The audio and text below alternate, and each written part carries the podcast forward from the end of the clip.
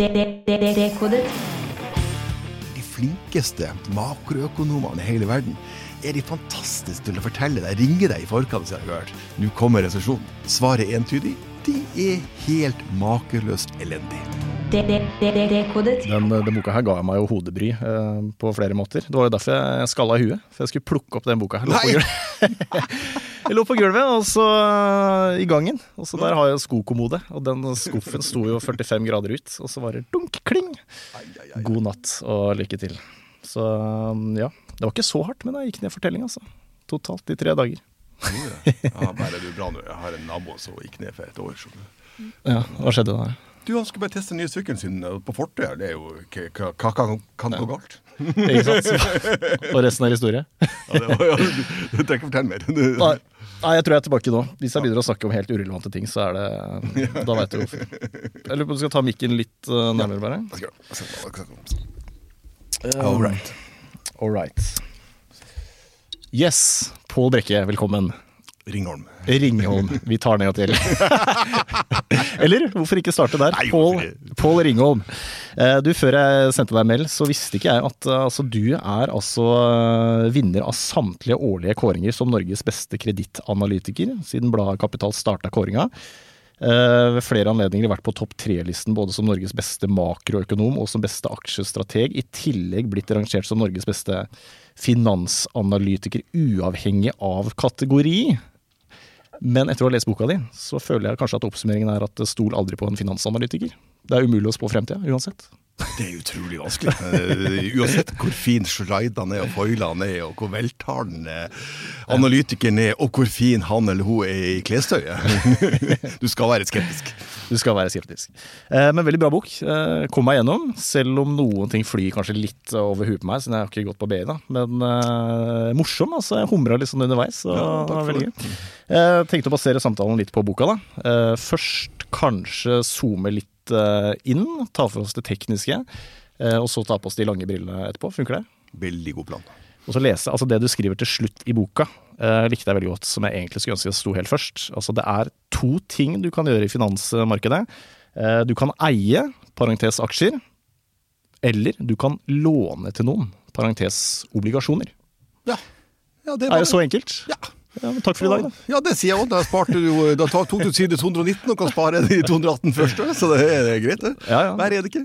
Nei, det er jo det. Eh, grovt forklart. Eh, men obligasjoner, da, hvis vi begynner der, for det er jo et litt fancy ord på noe som egentlig er ganske enkelt. Nettopp. Ja, hva i all verden er det for noe? Jo, det gjelder. Rett og slett.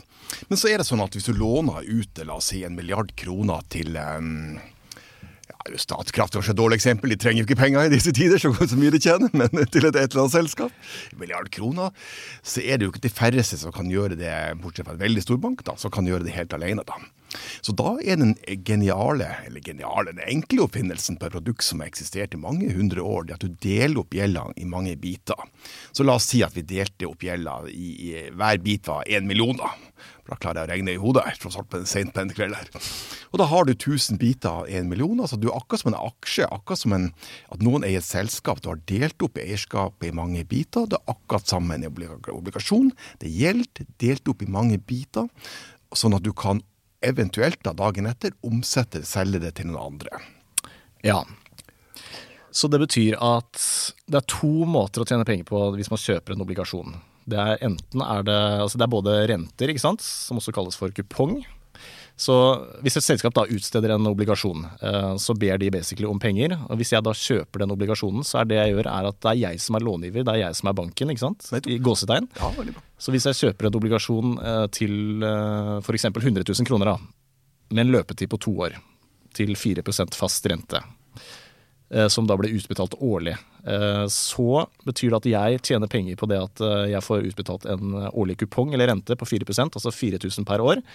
Og så får jeg tilbake den såkalte hovedstolen til slutt etter de to årene. Ja, og nettopp hovedstolen er det du har lånt ut. Ja. altså. Du får, får tilbake pengene dine, Ja. rett og slett. Eller så kan jeg selge obligasjonen underveis, som du sier. Ja. Til enten en høyere eller lavere kurs. Ja. Og Det er kanskje der folk blir litt forvirra, eller i hvert fall jeg tidligere. Ja. At det omsettes da på samme måte som aksjer, ikke sant. Det var veldig strålende oppsummering, og, og, og, så enkelt er det egentlig. Det eneste litt sånn kompliserte, det er da hvis det eh, hvis det skjer noe underveis, som du sa, i prisen, eh, med, med, med, prisen, da. Og da er det sånn, da, det er, ikke, det er ikke så verre enn det, at hvis renta går opp ett prosentpoeng dagen etter du har kjøpt en obligasjon, da, så er det sånn at eh, jeg skal prøve å forklare så godt jeg kan, at de andre rundt omkring deg i det såkalte markedet, de kan plassere penger til 5 da. Ja. Og da betyr det at da vil de ikke betale deg full pris for det, den obligasjonen du har, altså den gjelda du, du, har da, som heter obligasjon, som bare gir deg 4% i året. Så da er det tekniske sånn at da taper du et prosentpoeng hvert år, så ganger du med to, for du sa det varte i to år. Og da får du solgt obligasjonen din til 100 minus 2, altså 98% av verdien dagen etter. Sånn fungerer det. Ja, nettopp, ja. Men hvis jeg, da, hvis jeg da selger en obligasjon som jeg har kjøpt til deg for en kurs som er lavere enn den jeg har kjøpt den for, får du tilbake hovedstolen da, som det i gåstein? Altså den Hvis jeg kjøper en obligasjon til 100 000, da, eh, som du kjøper av meg for 90 000 om et år mm eh, hva skjer med den hovedstolen da? Ja, nettopp. Da er det den som har kjøpt obligasjon, som eier den. Og ja. den eier det framtidige kontantstrømmet, som vi bruker å si. da. Eh, nettopp, ja. Så den hovedstolen, altså, som betyr pengene tilbake, da. Ja. Det, det, det, er den som eier den, da. Så, da. så, da. er det noen som har latt seg kjøpe til kurs 90, som du sa, som da får en rente underveis, pluss at de får 100 tilbake etter gitt antall år. Nettopp. Og, og da blir den såkalte effektive rente, at vi kaller det, men den ja. sånn renta du regner, det blir enda høyere da enn den, en kupongen. da, For du har kjøpt det til en lavere kurs da. Ja, nettopp. Og er det alltid sånn at rente renter og, og, obligasjonskursen henger sammen. Så det er alltid sånn at når renta går oppover, så går obligasjonskursene eller kursene på rentepapirene ned, og omvendt. Ja, det er et én-til-én-forhold, liksom. Det, ja. ja, det, det, er ikke nesten én-til-én. Ja. Det, det, er ikke helt lineært. Men du har, du, har, rett i det. Så, så, så, det, er, det er hovedgreia. Det gjelder bare å forstå det. Ja, ikke sant. Bare, jeg må bare si det høyt for å liksom Ja, ja men det, er veldig bra. Det, strålende. Og så er det én ting kompliserende ting til. At når du handler i aksje, så er det gjerne én aksjetype per selskap. Men, men kan, et selskap kan jo ha da ti forskjellige obligasjoner samtidig. Ja. Man må bare vite hvilken obligasjon kjøper man. Er det en som du får for, som får tilbake, tilbake pengene i morgen, eller er om ti år? da? Ja, sånn, ikke sant. Kjekt å vite. ja, nettopp. eh, og så høres det jo sånn intuitivt veldig safe ut å kjøpe en obligasjon. ikke sant? Der, du gir et lån, og så får du tilbake renter, eh, i hvert fall hvis du har eh, fastrente, da, til avtalt tid, og så regner man med at man får tilbake hele summen til slutt. Eh, men det er ingenting som heter uh, null risiko i finansmarkedet, kanskje? Nei, det er ikke det. Og det her burde vi jo ta egentlig ta masse søkmål mot oss som har gått på handelsskolen. og, mot, mot, mot lærekreftene som lærte oss at det nå som heter risikofrie obligasjoner. For man hadde gjerne det her uttrykket, og noen bruker det ennå, om at hvis du lånte ut til stater, da, så, så tenker du at det er risikofritt. Og det er lett å tenke sånn i Norge, for det er norske stater. Eh, med mindre det blir, krig, da, så, så, får du tilbake pengene. Altså, de, de, den finansielle situasjonen, stillinga av norske stater, er fantastisk. da. Men så er det jo litt mer kompliserende, for det er jo ikke alle stater som er like bra. Eh, ikke et ondt ord om Mosambik, men de misligholdt sitt lån for noen par år tilbake. Italienske gjelda, jeg har skrevet en boka, det er verdens farligste, men for, for, for, for, omverdenen. Og, og um, Eh, så det er veldig forskjell innbyrdes på land, og så er det veldig forskjell på, på, på selskaper, åpenbart. Da, ikke sant? Lån til Equinor, så er sjansen for at de ikke betaler tilbake, veldig liten. Mm. Låner du pengene til eh, et flyselskap på tre bokstaver, mm. med et 67% innslag av samme konsonanten, eller rettere sagt SAS, så er det litt verre. De er litt, litt dårligere i finansiell situasjon, eller betydeligere svakere, for å være veldig presis. Ja. Og det er det som er den største risikoen når man investerer i obligasjoner og rentepapirer. At det blir misligholdt eller ikke blir betalt tilbake. Nettopp. nettopp ja. Den såkalt kredittrisikoen. Og da skal du ha betalt for det i forkant. Du, okay. Ingen av oss er synsk, da, som du sa i stad. Absolutt. Men du, du, må bare ha få kompensert på risikoen i det øyeblikket du investerer. Ja, nettopp. Er det andre risikomomenter ved det å investere i rentepapirer og obligasjoner enn en mislighold av lån og konkurser? Altså, og, og renter, renter som kan, kan, gå opp og ned. Ja. Det, det, er det primære, da. Ja. Så finnes det selvfølgelig en del andre ting også. Det kan være at du kjøper gjeld når det er eh, når et selskap er på randen av konkurs, da, da er det fortsatt kredittrisiko som er dominerende. Men da, det, da, kan det skje alt mulig mellom himmel og jord ja. i den prosessen underveis. da, Men det er rente, risiko for at renta går opp og ned, og risiko for at du ikke får tilbake pengene. Det ja. er det store. Hva med inflasjonsrisiko? Påvirker inflasjonen rentemarkedet, eller? Nettopp, nettopp. ikke sant? Det er en veldig bra presisering. Jeg, jeg, jeg tenker på hodet mitt at det inngår i renta, men du har jo selvfølgelig rett i det. ikke sant? Absolutt. da.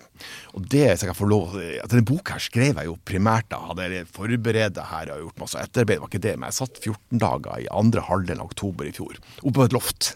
loft i Paris. Liksom, og gikk på sånn forfatterrestaurant og var sånn, litt sånn wannabe-forfatter da i, Med sånne lunsjen. briller, eller? Ja, ja, jeg hadde sagt til i resepsjonen at jeg skrev en bok, så hver gang jeg kom inn på hotellet i resepsjonen, så, så fikk jeg bare høre 'Å, den store forfatteren'. Ja, jeg slapp av, gutta, sa jeg. Bare jeg må gå opp og skrive. jeg spilte på Image. Og der satt jeg og skrev for, for harde livet. da. Men jeg skrev om, var blant annet en av de ting jeg tenkte veldig på. da, grunnen til å ville skrive det her, da, var det en ting å beskrive et marked og, og demystifisere det her gjeldsmarkedet, som ikke er så komplisert, men det er verdens største kapitalmarked for øvrig. Det er større enn aksjemarkedet. Så det er greit å gjøre det. Og så er det at det har jo skapt en del ting, og kanskje komme tilbake på det senere, men blant annet boble. da. Så det som har skjedd da, og så til det her med inflasjon som du tar opp, ikke sant. Det som har skjedd siden da, det som har skjedd i første halvår i 2022, altså i år, er at obligasjonsmarkedet i verden, eh, altså verdens største kapitalmarked, har hatt sitt verste halvår siden 1788, ett år før den franske revolusjonen. Oi, siden 1788. Ja, ja. Ett år før giljotinen begynte å gjøre sitt arbeid da, i, i, i Frankrike. Uh, uh, og, og hvorfor det? Jo, fordi at på forhånd så, så var det du hadde, Renta blir null, nesten. Så du har betalt veldig mye for obligasjonene. Du sa i sted 100, som er den typiske prisen du starter på. Kanskje du hadde betalt 140. Who knows? ikke sant? Og så skjer det noe med inflasjon, rente, krig. Og det var inflasjon før krigen kom, for øvrig. Og så får du denne finansielle massakren, da. Så ta oljefondet, f.eks. De har jo eh, ca. en tredel av sin eksponering i obligasjoner. De tapte 9,3 på det som du, som du sa i stad skulle tro var en veldig sikker investering. For de investerer i sikre obligasjoner. Men det var ikke det. Det var ikke en trygg havn. Eh, Det var rett og slett en forferdelig dårlig sted å være i første halvdel 2022. Ja. Eh, Og hvilken, hvilken type obligasjon var det, sa du? Ja, Altså Oljefondet de, Oljefond, ja. det, det, La oss si det er to halvdeler. Vi, vi kan dele obligasjonsmarkedet i to halvdeler. Det ene er da på det høykvalitetsmarkedet, eller investment grade på engelsk. Det er liksom de beste kredittene.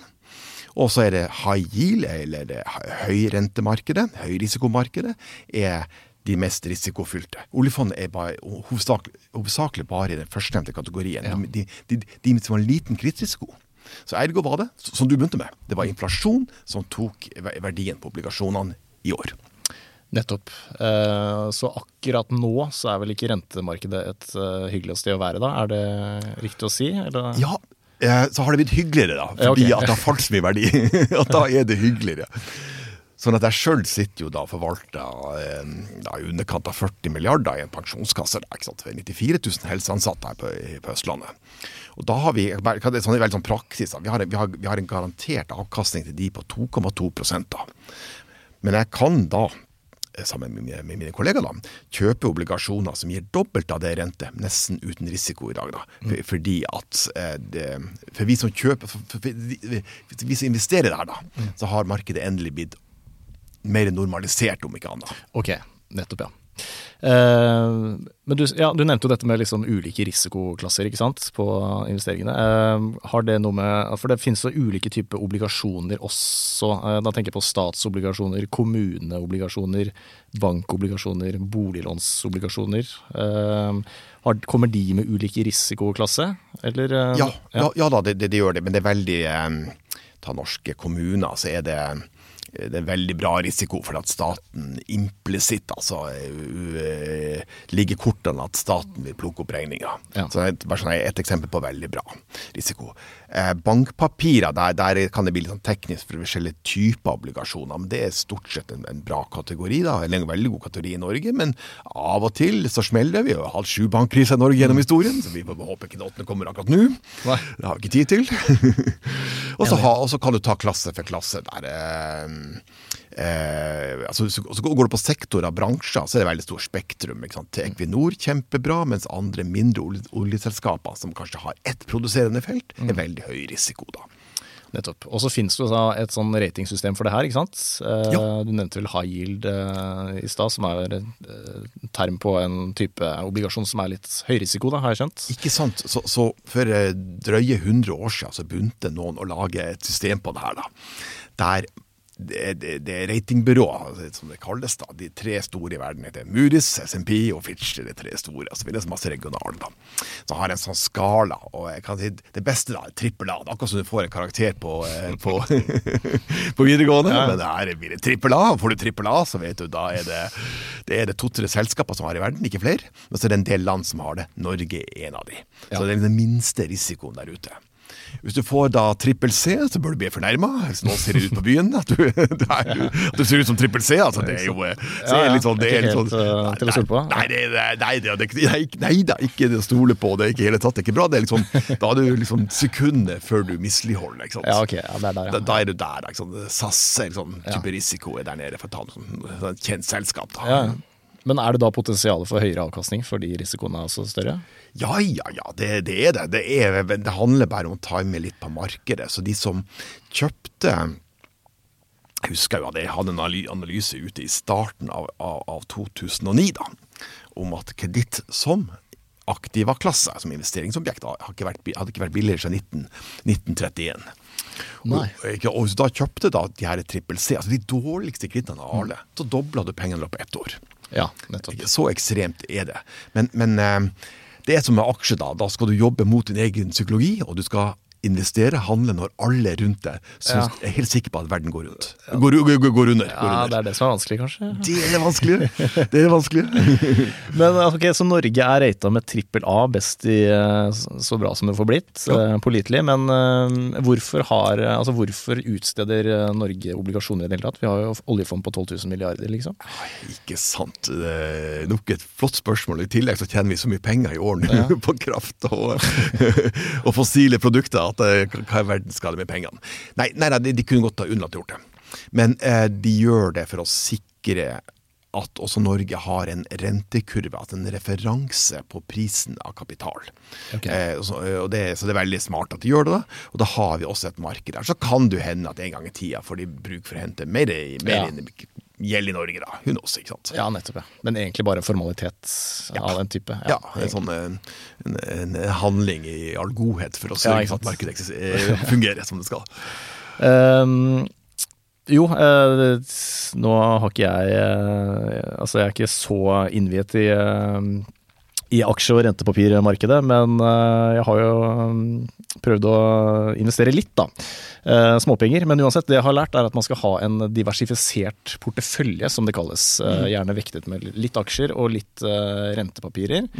Og grunnen til det er vel da sant, Fordi rentepapirene kan fungere som en motvekt, da. Eller motsyklisk kapitalbuffer, som det heter på fint. Gjør det ikke det? Ja.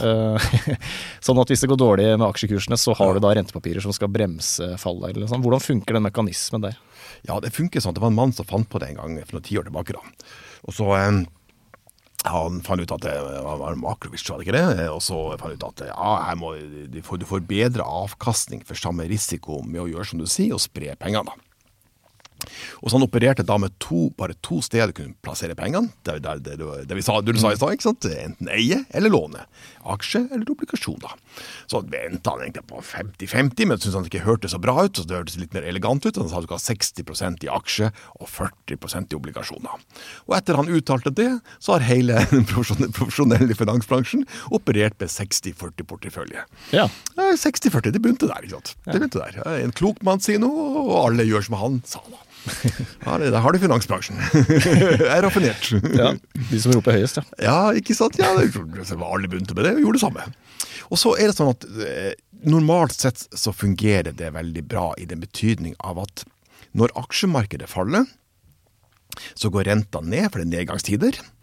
Og da går verdien på obligasjonene opp. Altså aksjer ned, obligasjoner opp. Som gjør at det er en sånn um, migrene, migrene. Altså, sånn der, det, er en, det er en slags beroligende mekanisme for, for porteføljen.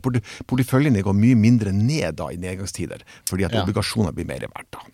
Nettopp, ja. Men har vi ikke en situasjon nå hvor både aksjekursene faller og rentepapirkursene Og da faller? vi skal tilbake til 1788 og Ja. første halvår 2022.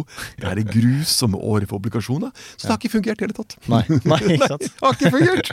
Ikke i nærheten. Så surt. Så surt. Alt man leser om på nett, uh, funker Ikke sant? Bare kaster ut av Så vinduet. det ble nettopp, nettopp. Og det var fordi at det var en boble. Det var blitt grisedyrt. Mm. Og hvorfor har det blitt sånn? Vel, flere årsaker, men tar du og ser jeg går tilbake, øh, så hadde så her hadde det vært med forlåtteligvis grafa, da. Men vi har tatt mor. En grafmor. Så går vi tilbake 750 år, da. Og så det kunne det vist seg at det er to perioder da på 750 år der renta har gått ned mye og lenge på 1400-tallet, og så en periode fra begynnelsen av 1980-tallet til det her året starta. 1980-tallet var det en tøffing, en Volker, sentralbanksjef i eh, USA, som tok livet av inflasjon med sånn to kjappe resesjoner. Han satte opp renta til over 20 Ja. Og siden da har renta gått ned. Og de siste 10-15 årene så har jo sentralbanken gjort hva som helst for å unngå panikk. De har, hver gang det har vært et eller annet trøbbel, så har de kjøpt rentepapirer, de har senka renta, de senka til null, i blant annet Norge. Det var ingen vits å gjøre, men det har vi gjort. Og alt det her har medført at det største kapitalmarkedet i verden, obligasjonsmarkedet, var tredd inn i en boble. Og nå, i år, har det gått hull på den. ja. Nå har det gått hull på den, ja. Ja. Eh, det jeg også lurer på, eh, når det kommer til obligasjoner eh, Mannen i gata, da, sånn som meg, som ikke er profesjonell, eh, eller folk som sparer til pensjon, da, Ja. kan vi putte pengene i enkeltobligasjoner, eller er det, til, er det proffene som gjør det, og så er det obligasjonsfond da, for oss? Ja, for de fleste så er det obligasjonsfond som er saken. Og det har noe med at du kan handle aksjer for noen, en, en tusenlapp, eller hva det måtte være. Altså, mine første aksjer noensinne kjøpte jeg i oljeselskapet Nordminol. Og jeg husker ennå at jeg var, var i Nordlandsbanken, som eksisterte, med 250 kroner hadde jeg spart opp da, som jeg kjøpte da. Det er litt verre på obligasjonssida. Da må du gjerne ha en halv million da, per obligasjon, eller kan være mindre, da. Men det, det, de, er, de bitene er større. Riktig. Ja, så, så da er det for det, så da for det omtrent alle, selvfølgelig. Da er det sånn at det er det obligasjonsfond som er greia.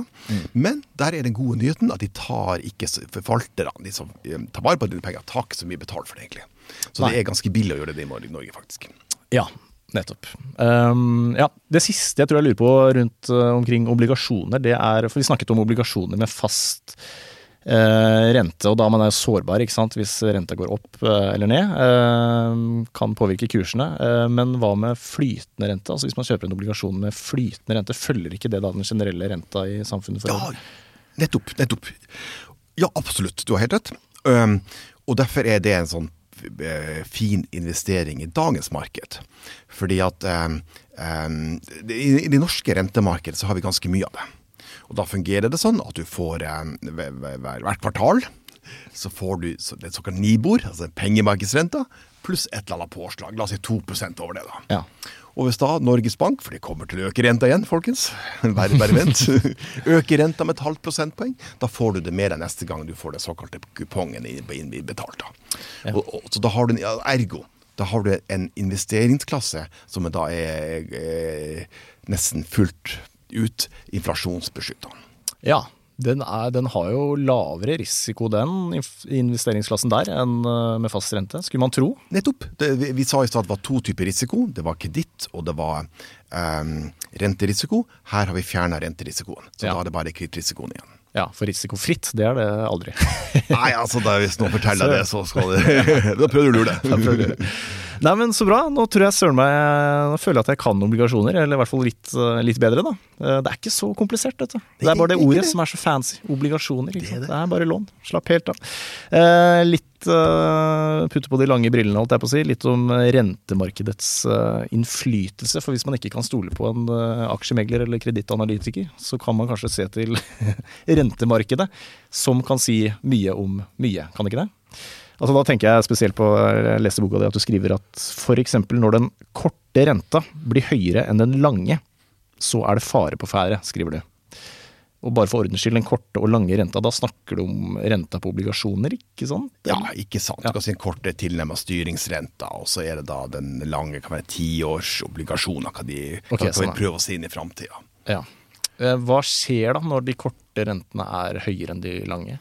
Da har summen av alle verdens investorer i verdens største kapitalmarked, altså obligasjonsmarkedet um, det, det, kan være forskjellige dynamikker, da, men det, det, som gjerne da skjer, er at de tenker mild himmel, nå kommer resesjon snart.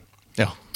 Og så begynner de jo bare å kjøpe obligasjoner, for da vet de at i morgen, da, altså når resesjonen kommer, så skal renta ned. da. Okay. Så da, da driver de bare å kjøpe. Det skjer i den lange enden av kurven såkalt lange renta, som vi, kalte det. Mens i den korte renta så holder eh, sentralbanken på med noe helt annet. Kanskje økonomien begynner å bli glohet. De har mistet kontroll i inflasjon, f.eks. nå. Som det som skjer nå, da. Eh, og så de driver og øker renta. De, altså de øker styringsrenta. Det er jo akkurat det de holder på med nå, da. Og da får du den her bevegelsen. Og hvorfor er den interessant? Da må vi fortelle to historier. Først skal vi innom eh, økonomen er det sånn at selv de flinkeste økonomene, makroøkonomene, samfunnsøkonomene i hele verden, er de fantastiske til å fortelle deg, ringe deg i forkant og si hør, skal du høre her, nå kommer resesjonen. Det er gjort flere undersøkelser på. Svaret er entydig det er helt makeløst elendig. Det eneste landet økonomene klarer å predikere i forkant, er øygruppa Nauru. Um, det er et fint bilde av den i, boka mi. Det er en øygruppe som du skal ikke opp en drone, ikke all verdens opp i, lufta, for du ser hele landet. Uh, det er en veldig gjennomsiktlig økonomi. Det, det eneste landet man empirisk kan si at økonomene i forkant klarer å varsle en, resesjon. Det er sånn at økonomer, som kollektiv, som yrkesgruppe, bomma på røftlig 98% av alle verdens resesjoner i forkant. Selv ja. midt i en resesjon, når du mister jobben, naboen mister jobben, så vil økonomen stå og si Holan, at slapp av, dette er bare midlertidige problemer. du er midt i en resesjon, men de får det ikke med seg. Eh, men da er trøsten du trenger bare sparke økonomen. Det er, jo, åpenbart ubrukelig for jobben. Så da er det rentemarkedet. Og det er sånn omtrent hver gang rentemarkedet får den bevegelsen du har beskrevet, nei, så tar det i snitt da 15 måneder med litt variasjoner, og så kommer resesjonen. Er bankers. Ja. ja. Så litt rentemarkedet heller enn økonomen. Ja, ja, ja. Så den renta her, da, etter jeg skrev boka i starten av året, så blir det negativt, den kurven her. ikke sant? Så ja. det er bare å vente. Sett deg ned, spis popkorn, vent på resesjon. Eh, men er vi i en situasjon nå der den korte renta er høyere enn den lange? Vi er ikke det, kanskje? eller? Uh, ja, i, ja du, I, USA, kanskje? Når vi sitter her i dag, så gikk renta fryktelig mye opp i går, men fortsatt okay. er den det. Den er, den, den er faktisk det, altså. Så, så, så, der er vi fortsatt. Og så er det det første signalet som er viktig. Så, så vi er der, da. Vi, ja, vi er der? Altså... Ja, i USA er vi der. Og ja. hvorfor er jeg så opptatt av USA for øvrig? Det er jo verdens største økonomi. Det utgjør nesten 70% av verdens aksjemarkeder. Altså det, det, USA betyr finansielt da, fortsatt ekstremt mye for oss. da. Eh, så der er det resesjonsvarsel. Så hvis vi tar med resesjoner, så tar vi det veldig kjapt. Vi, deler opp i tre. Europa, Benkers til resesjon. Bare Eh, Tyskland har, Tysk befolkning har å tall, har brukt 1,5% av sin disponible inntekt på strøm, normalt sett. Du kommer til å bruke 11 Gjett om det blir resesjon. Ja. Kina, en, en fantastisk kritthistorie. Eh, Nå er over hver fjerde en, av de 100 største eiendomsutviklerne i, i Kina er, er nå mislighold. Mm. Eh, det, det, det, største eiendomsmarkedet i verden, det største investeringsobjektet i verden, er kinesisk eiendom. Har utgjort på det meste nesten en tredel av kinesisk økonomi. Store problemer der, pluss de covid-nedstengingene har. Der er det sånn resesjonslignende tilstand. Og da mm. det er et kontinent i til, og det er USA, da. Ja. Det, er rødt, det, er rødt, lys i, i Kina, det er rødt, rødt, rødt lys i Europa, og så er det gult da. Det, det, er tent gult av ja. det rentemarkedet allerede tidlig år i USA. Ja. Og jeg tror det er veldig stort sannsynlig for det blir snart resesjon i USA. Ergo en trippel resesjon. En trippel resesjon. Lykke til, alle Lykke sammen. Til. eh, og resesjon det betyr jo da rett og slett lavere økonomisk vekst. Så bruttonasjonalprodukt er lavere enn året før. Ja, si. i en viss periode, og samt at arbeidsmarkedet skal være litt under vann samtidig. Ja. Ja. Og Hvis vi da får eh, resesjon, eh, lav økonomisk vekst og inflasjon samtidig, så får du noe som heter stagflasjon, ikke det? Ja, stagflasjon kan du få. Det, det, er veldig, det, er veldig, interessant denne gangen. Kan det være at vi kan framtidig få en periode med både høy prisvekst og lav, eh, og lav økonomisk vekst? da? Ja. Um, det, det, vet vi jo ennå ikke. Jeg, jeg har personlig spekulert i en god stund at det, det kan vi godt få. Mm. Uh, I Europa definitivt, og, og, og, godt mulig også i USA. da. Mm. Um, og en av grunnene til det er at jeg tror ta USA, da, Um, det er litt mer åpent for det, da, men eh, rett og slett at eh, advokaten, som jeg liker å kalle han, altså Powell, sentralbanksjefen, han er jurist, da. Vi får kalle han advokaten. Advokaten har rota det til. Han sa i hele fjor at inflasjonen var bare kortsiktig forbigående. Ja. Han tok feil. Han tok veldig feil. Uten, selv uten krigen i Ukraina tok han feil. Og nå er han på etterskudd. Og når sentralbankene er på etterskudd, så bruker det gjerne både bli resesjon, tre av fire tilfeller, Ja. og det kan denne gangen dukke opp noe annet. Altså stagflasjon. Altså stagflasjon. Som er et litt spesielt scenario, er det ikke det? Det er ikke så vanlig. Nei, det hadde på 70-tallet. Um, Jeg tror ikke det blir så ekstremt som da, men, men det er en litt sånn Det er med en um, det er det med inflasjon, ikke sant. Um, I samtiden nå så er det veldig mange som sier at det er så lett å bli kvitt inflasjon. Det er ikke problem. Det er veldig rart å si det, for historien tilsier at når inflasjonen blir over 5 prosentpoeng, da, over 5 da, så er, så, så er det begynner å bli vanskelig å bli kvitt den. Det viser liksom historikken, da. Ja? Så jeg er, sånn, jeg er litt, litt forundra at mange er så eplekjekke at tror at det her bare går over av seg sjøl. For det er ikke bare energiprisene som gjør det. I USA så er det bare en tredjedel av inflasjonen som skyldes økte energipriser. Ja, nettopp. Så da, hvordan eh, fjerner man inflasjonen da? Man skrur opp renta så høyt da, at eh, folk til slutt slutter å bruke penger, men Du er jo mye bedre enn økonomene. Det er jo pinlig der for, for oss økonomer. Ikke. Det er jo veldig, ja, veldig bra.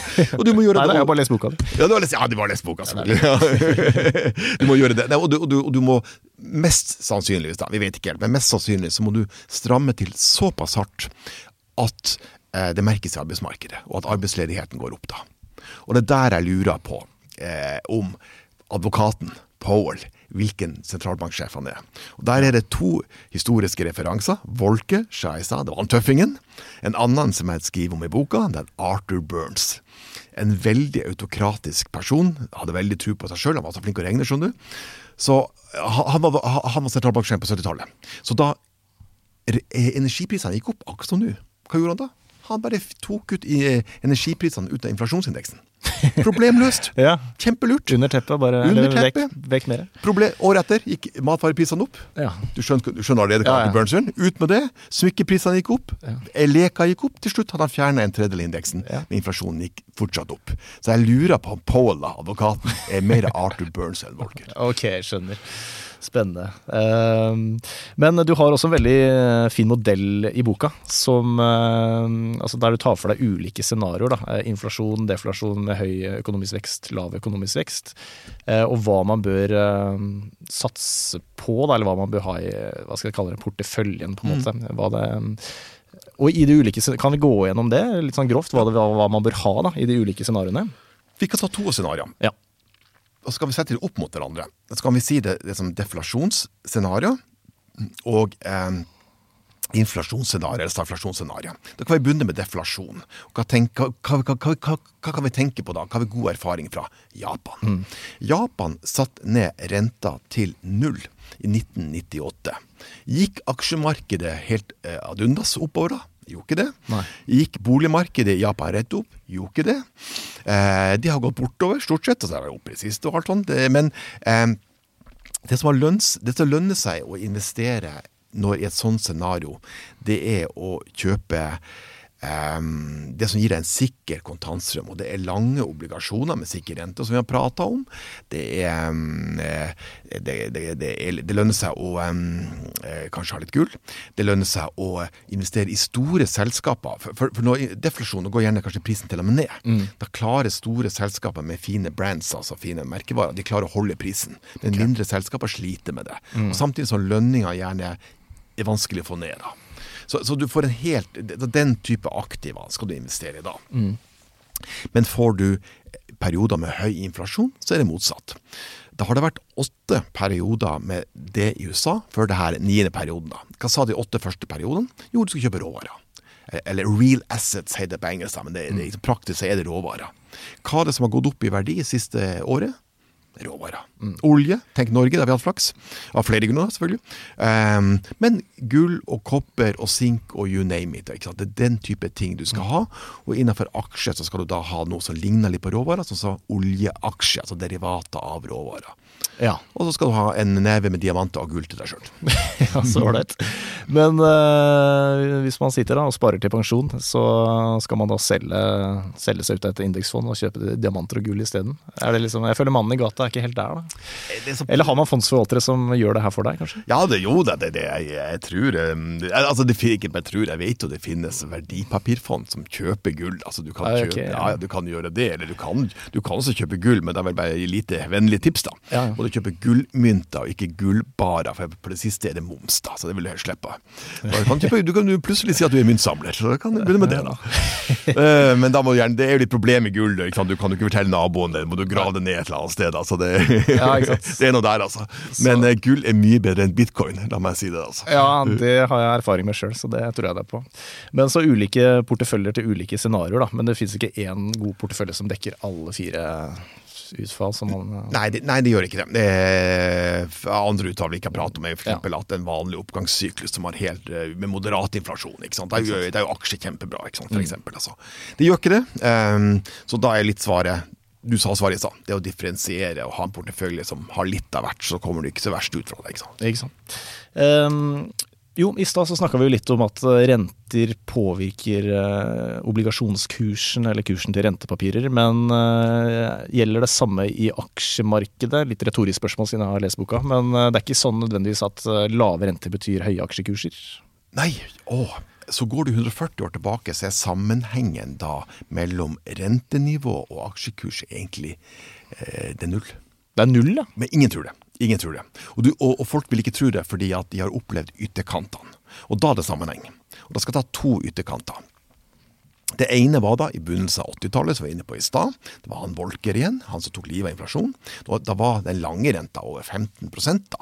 Og du betalte det, på en aksje, altså det PE, hvor mange, prisen på aksje delt på inntjening på selskapet. Fire-fem ganger. ikke sant? I dag er det 1920 selv i en, i en engangsperiode. Så det, var, det var, så, det var, så det var veldig billig å kjøpe det. Um, uh, sånn at i ekstremtilfeller når renta ble for høy, så ble aksjer veldig billig. Så har vi det andre eksempelet, og det er jo det vi akkurat har opplevd til inngangen til det året her. Det var at renta var ned, satt ned i null. Tabben, som jeg personlig mener, mente at det var, og mener enda sterkere at det virkelig vil å være. Og da gikk jo folk helt Panamas. Du har hørt om det Tina, det finnes ikke andre alternativ. Og FOMO, fear of missing out. Du er livredd for at naboen skal bli rik, ikke du, ikke sant. Du går helt bananas. Og, og det medførte jo at såkalt eh, vekstaksjer, altså aksjer med et veldig sånn håp om at i framtida skal det bli lønnsomt, Ja. steg jo veldig. Og hvorfor det? Jo, fordi at så mye av kontantstrømmen, altså inntekt, inntektene, kommer om så langt fram i tid. Men det gjør ikke noe. For, for, for, for, prisen på kapital er null. Altså renta Ja, er null. ja. Ikke sant? Så det er samme for i dag eller om ti år. Nei, nei, nei. nei, nei. Og, og, og det en, har vært en veldig kraftig sammenheng der. Og hvem er det da som innenfor aksjer som har fått mest juling i år når renta går opp? Har du sett? Det er vekst- vekstaksjer. Ja. Så, det, så rentemarkedet styrer aksjemarkedet i, i veldig stor grad, altså. Ja, nettopp. Ehm, og er, hvor, er vi, hvor er vi akkurat i dag, da? For det- renta er jo fortsatt lav, men aksjemarkedet er jo fortsatt høyt prisa, ikke sant? Ja, så det globale aksjemarkedet, som jeg sa i stad, eh, opptil 70 avhengig av indeks, da, 60-70 da, eh, av verdens aksje, noterte aksjer, da, er amerikanske aksjer. Og her er det trøbbelet kommer inn. Amerikanske aksjer er, hvis jeg, hvis jeg vurderer det eh, Jeg tar en tallserie som er 220 år tilbake. Det, liksom, det begynner å bli litt schwung over det. 220 år er tross alt en, eh, en brukbar periode. Så det er fire ganger det markedet har vært dyrt. Det er 1844, 1929, det er dotcom, altså i år 2000, og så var det nå. Ja. Og det er fortsatt ikke blitt billig. Fortsatt er det ganske dyrt, altså. Ja. Så, så det er det. Men så er det sånn at det er alltid muligheter. ja ikke sant? Og i emerging market, framvoksende økonomier, eh, så er det jo eh, eh, Og Asia er nesten, nesten der igjen. 70, litt over 70% av, av fremvoksende ja. eh, emerging market, aksjemarked. Så er det faktisk, eh, etter alle måter, de fleste måter å regne på i hvert fall, blitt, blitt veldig billig nå. Riktig. Og hva tror du om eh, Hva tror du om de neste årene, da? Altså sånn ti eh, det, du skriver jo selv svart på hvitt at det er umulig å spå, da. Men, eh, Ja. men eh, hva tror du? Nei, ikke sant. Så spå om all type hendelser, om det geopolitiske og sånt, det er veldig dumt å, be, å begi seg ut på, for det klarer vi ikke. ikke sant? Det, det, det kan vi. Eh, og, og også sånn at sammenhengen, så tar rent finansielle det, er ingen sammenheng mellom at et marked er dyrt nå, og hvordan avkastninga blir de tre til tolv neste månedene. Det er ingen Nei. sammenheng mellom det, faktisk. Så du kan ikke På kort sikt kan du ikke bruke. Nei. Nei, nettopp, nettopp. På kort sikt kan du ikke bruke. Men det er en veldig veldig klar sammenheng mellom om et dyrt aktiva, altså dyr, dyrt ta aksje da, dyre aksjer, og hvordan avkastninga blir de ti neste årene. Så basert på historiske tall, på 100-årstall, da, i tallserie, så, så skal du ha litt flaks for at du, du plasserer hele din formue i morgen. Etter å ha hørt på det her, da. Mot, mot, mot formodningene i amerikanske aksjer. um, så skal du ha litt flaks med deg for at det skal bli en ordentlig positiv avkastning de neste ti årene. Det kan, det kan, vi, kan vi spå ganske, gans, med ganske høy grad av sikkerhet. Ja, fordi selv om aksjekursen har falt, så var det så himla dyrt. Ja. Så det er ikke billig nå nødvendigvis. Det kan være om fem år så lurer du på hvorfor i all verden var Apple verdt så mye. Var det Ja, ikke rart? ikke ikke sant? Ja, nei, men da er det jo altså hvis man øh, Det er vanskelig å vite, da. Man skal, men det er jo alltid, da. Men hvis man, er pensjon, eh, hvis man nærmer seg Hvis man er 60 år nå, da, og nærmer seg pensjonsalder, så er det jo litt mer risiko involvert i øh, å plassere pengene i aksjer og rentepapir. Det er vanskelig da, sikkert å vite hvor man Ja. skal, hvordan man skal vekte det. Men da kan du gradvis dra det over da i porteføljer da, som eh, tar vare på sikrer pensjon, da, og Ja. plassere mer i trygge papirer. Så du kan si, Der, der, der jeg jobber nå, da, Ja. så har vi jo nesten seks av ti kroner er plassert i obligasjoner. Ja. Eh, altså, vi er, eh, vi er på den trygge sida. Så så det, det vil være en fornuftig tilnærming å gjøre når en viss alder. Nettopp, ja. Ehm, og så har dere sikkert øh, Dere har litt aksjer òg, eller siden du har 60 i Ja, ja, ja da, ja. Vi har 21% aksjer, og så har vi en del sånn illikvide investeringer i tillegg. sånn det kommer på toppen av det. da, Så har vi en god del eiendom også. da, det, det vi investerer i. Hva med det høye gjeldsnivået i verden, hvordan påvirker det markedene? For det har vi ikke vært innom, det er også litt interessant. Ja, ja, ja. ja. Nei, det er jo bare å justere litt for den COVID-perioden. Så har vi det høyeste gjeldsnivået i verden noensinne, da. Høres det- farlig ut. Ja, det høres jo ikke bra ut, ikke sant? Og så- Men så kan man liksom ta for, eh, eh, Noen tar jo det her gjerne fort, litt sånn, sånn, sånn tankefeil. Ja. At du sier at jeg hører det her, jeg hører du si det, men eh, vi har jo ikke noe Vi har ikke lånt oss noen ekstra, andre eksoplaneter. Vi har ikke, vi har ikke noen intergalaktisk belåning. Nei. Nei, nei, nei. Alltid på jorda, hva er problemet? Ja, Ah, det der er, så er det ikke så enkelt likevel. Innenfor et lukket system, da. ikke sant? Det kan, det kan være at du har lånt ut penger til naboen. Du har, du har ja, Plutselig har du en million til overs. Ja. Naboen trenger en million. Du låner penger til naboen. Naboen er litt lemfeldig med pengene og kjøper seg en ny eh, det må bli, en Porsche. Et, eh, ett år etterpå, når han eller hun skal betale tilbake, så er vedkommende hen. Hen er skilt. Mm. Porsche-prisen har gått ned til 50 Ja. og selv i det lukka systemet, du og naboen, så klarer han bare å betale tilbake halvparten for du selger tvangsholdig bilen. ja det er det. Da er betydelig del av formuen din borte. Ja. Og, og, og, og derfor er det sånn at i Kina, der de har lånt stort sett til seg sjøl, så kan det allikevel bli et problem hvis eiendom blir verd, mindre verd da. Eh, ikke sant? Eh, altså, så, så du kan rote det til skikkelig i et lukka system. ja. Og, og det gjelder også jorda. Det gjelder også jorda. Og det er vel da er det USA, Kina og Italia som har gjeld opp til øra, og litt til. Ja. Eh, Målt opp mot BNP, da. Ja, men her er litt greia. Det er litt forskjellige okay. fine eksempler. USA, eh, Kina har ikke så mye statsgjeld, men de har en del Det er veldig mye gjeld i privat eller ja, privat sektor vil si bedrifter, da også offentlige offentlig eide bedrifter. da. Så det er trøbbelet der. Trøbbelet er eiendomssektoren i Kina. Italia er livsfarlig, for de har lånt en annen valuta. Og man kan lure på om de egentlig har lyst til å betale, betale tilbake. de lånt i euro, ikke i lire. Og USA har verdensvalutaen, og de kan holde på sånn i mange år til. Ja, nettopp. Hadde vi sittet her i 1711, et par år etter Great Frost, det er den største finansielle nedturen noensinne i UK, så ville vi sittet her og vært bekymra for den engelske gjelda.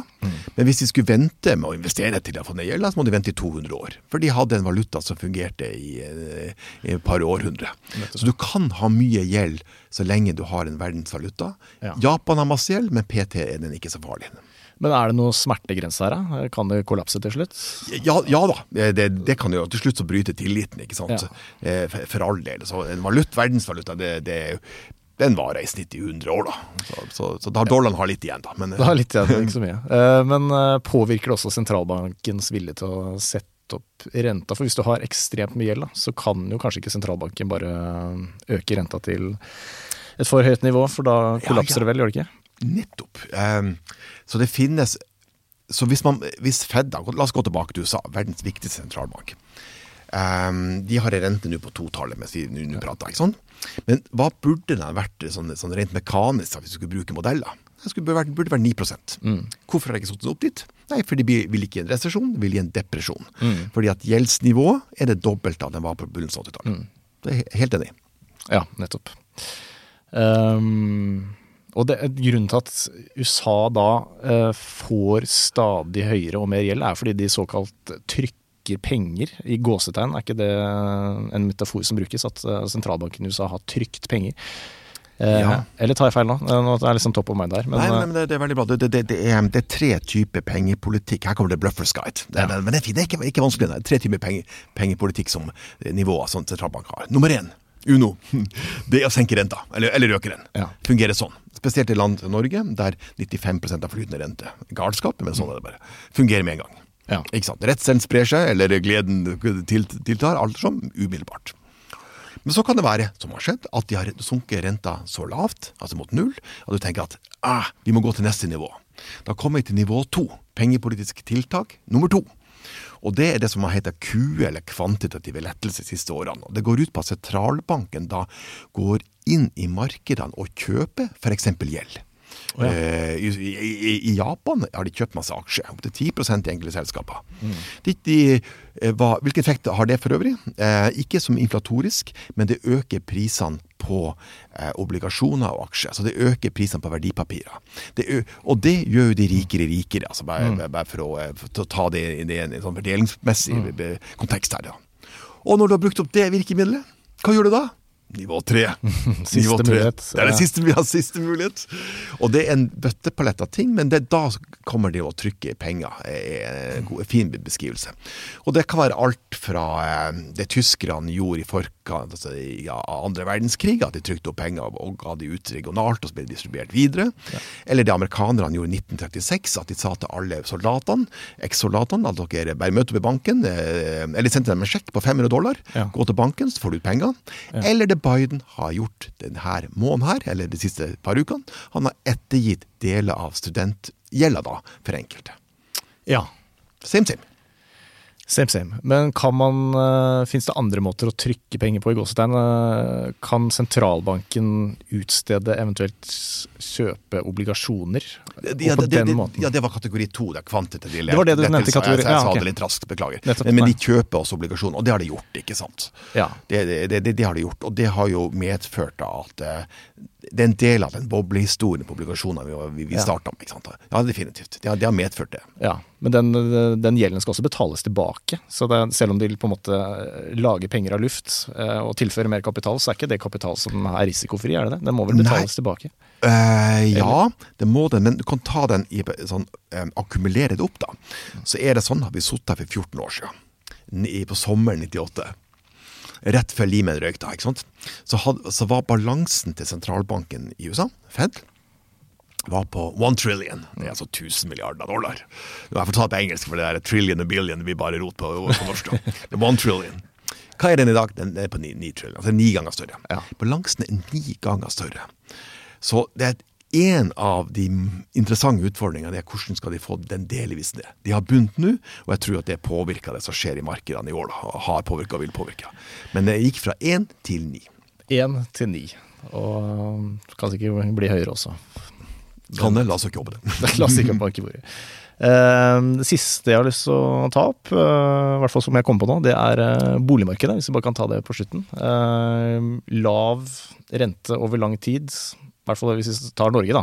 Og meget høye boligpriser. Jeg lurer på om det er en sammenheng her, kanskje?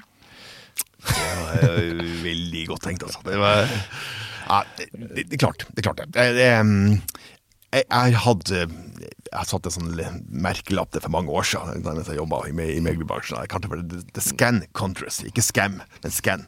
Ja. Eh, Sverige, Canada, Australia, Norge, New Zealand. Fem land. Noen nært Nordpolen, noen nært Sørpolen. Og hva i all verden har de med hverandre å gjøre? Jo, det var fem land som senka renta etter subprime, men ikke trengte å gjøre det.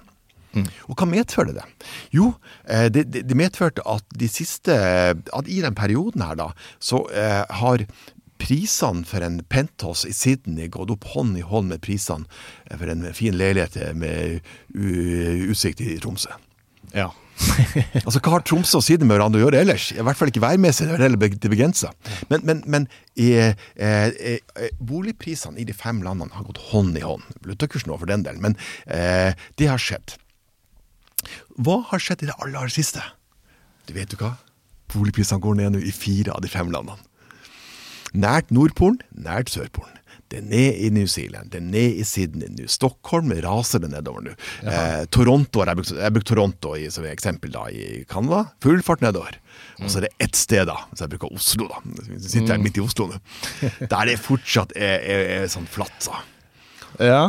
Er det sånn at bare fordi det går ned ferge skal det ned her? Nei da, det er ikke det. Men jeg tror da at boligprisene skal korrigere ned. Jeg tror ikke på noe kollaps. altså. Jeg er ikke der, jeg er ikke på sånne krakkgreier. Men jeg tror at det, hvis prisene i Oslo gikk, eller Norge gikk ned 10-15 so what? ikke sant? Det er jo synd for de som akkurat kommer inn, men det er bra for de som skal inn i markedet. Ja. markedet Interessant, for jeg øh, følelsen jeg har er at det bare aldri slutter å gå oppover. ikke sant? Jeg har nettopp kjøpt meg leilighet. Eh, Det er der jeg har puttet alle pengene mine. Så jeg, Kondolerer. jeg. Kondolerer. Ja, jeg har vannlekkasje, så jeg har ikke fått bodd der på fire uker. Så absolutt kondolerer. Men øh, jeg har i hvert fall putta pengene der. Eh, Men på, det er ikke noe Du er ikke redd for noe eh, skikkelig boligkrakk eh, i løpet av de neste Ja, altså, jeg, jeg, jeg, ta del utfallsrommet i tre. Det første utfallsrommet er at ting skal fortsette å gå oppover, som det har gjort de siste årene. Jeg tror sjansen er veldig liten for det. Det er gir absolutt størst sannsynlighet det er sånn bortovermarked. At det, på lang sikt skal boligmarkedet opp som inflasjon, pluss minus. Mm. men, men det kan gjerne inkludere at det går ned 10-15% det neste året. Det er liksom fine. Det var, det det det var jo klare. Ja. Og så er det scenario tre, som du spør. om. Krakkscenario her, ikke sant. Nei, altså Du hadde jo et krakk da i Kristiania da, på slutten av 1800-tallet. Og Justert for inflasjon så tok det 80 år før boligprisene kom opp igjen på samme nivå. Ja. Det er ikke så mange som vet. da. 80 år? Det tok 80 år. Du skal være ganske tålmodig som investor da, for å vente på det. Ja, da er jeg god til å vente. Ja, Ja. det er god til å vente. Jesus. og så har vi da det som er den neste sånn depresjon i Norge, det er slutten av 80-tallet. da, Ja. ikke sant? Det var jo det Sjøl kjøpte leilighet på Iladalen i eh, 95 i Oslo. Så kom i borettslaget leder bort meg og kondolerte og mente jeg hadde kjøpt på topp. Jeg betalte 6000 kvadratmeter. Det beklager lyttere, altså, men 6000 kvadratmeter høres ut som en fornærmelse å fortelle i dag. Men Ja, det gjør det. Det gjør det. Jeg hørte om en øh, Hva var det? 18, nei, 19, var, ble solgt i hvert fall for 190 000 per kvadratmeter på Løkka, tror jeg det var. Det er, øh, det er jo helt sinnssykt. Ja. Ja, det, det er helt utrolig. Egentlig, altså, I det perspektivet. Det er ikke Ja. utrolig, men det, det er bemerkelsesverdig. Um, jeg, jeg, jeg, er ikke på det krekkscenarioet. Det er utgangspunktet for Norge. Da det, det er ikke det. Da skal gå, ting gå veldig mye galt. Da skal vi miste kontroll på inflasjonen. Så det håper jeg jo ikke, vi, håper jo ikke det skjer. da. Men det er greit å notere seg det. At nok en gang gratulerer. Det landet der folket har mest bolig, mest gjeld i hele verden. Ja. Det er Norge. Det er Norge. Det er Norge. Gull til Norge. Det er jo deilig. Vi er jo best i alt. Ja, vi er det. Typisk norsk å være god. Nei, men Så bra. Da er det jo altså ok, så investere i uh, eiendom og bolig usikkert. Investere i aksjer usikkert. Investere i rentepapirer usikkert. Kjøp gull og diamanter. Det er, det jeg, det er konklusjonen jeg hører fra deg her. Gull og diamanter, men til deg sjøl. Ja, strålende. Uh, bare si det igjen. Eh, boka di, 'Rik på gjeld'. Føler meg rik på gjeld, jeg har jo boliglån opp til øra, men det her handler vel mer om å gjøre smarte investeringer i rentemarkedet. Eh, veldig bra bok. Trenger Takk ikke å ha gått på BI for å skjønne hva som står her. Noen ting flyr litt over huet, men den er veldig morsom, så det kompenserer. Så anbefales til alle. Eh, Pål Ringholm, ikke Pål Brekke som jeg kalte deg i starten. Også- det var close. Det ja, det var close. close. Eh, glemte å si hvor du jobber. Vi nevnte det litt i stad. PKH, investeringsdirektør i Pensjonskassen for helseforetakene i hovedstadsområdet. Kronglete navn. Ja, det, det er litt langt, da. Så ja. PKH høres nesten ut som en sykdom. Men eh, det, er, det er et veldig veldig kjekt sted å jobbe. for. Veldig bra. Tusen takk for praten, veldig lærerikt. Likeså. Denne podkasten er produsert av Tid og lyst.